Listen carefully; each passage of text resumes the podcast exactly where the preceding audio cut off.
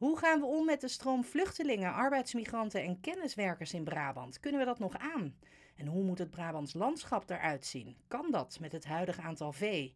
En hoe zorgen we ervoor dat iedereen in Brabant voldoende inkomen heeft en toegang tot een huis, zorg en onderwijs?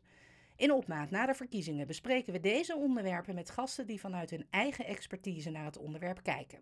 Luister naar Brabant op weg naar 22 november.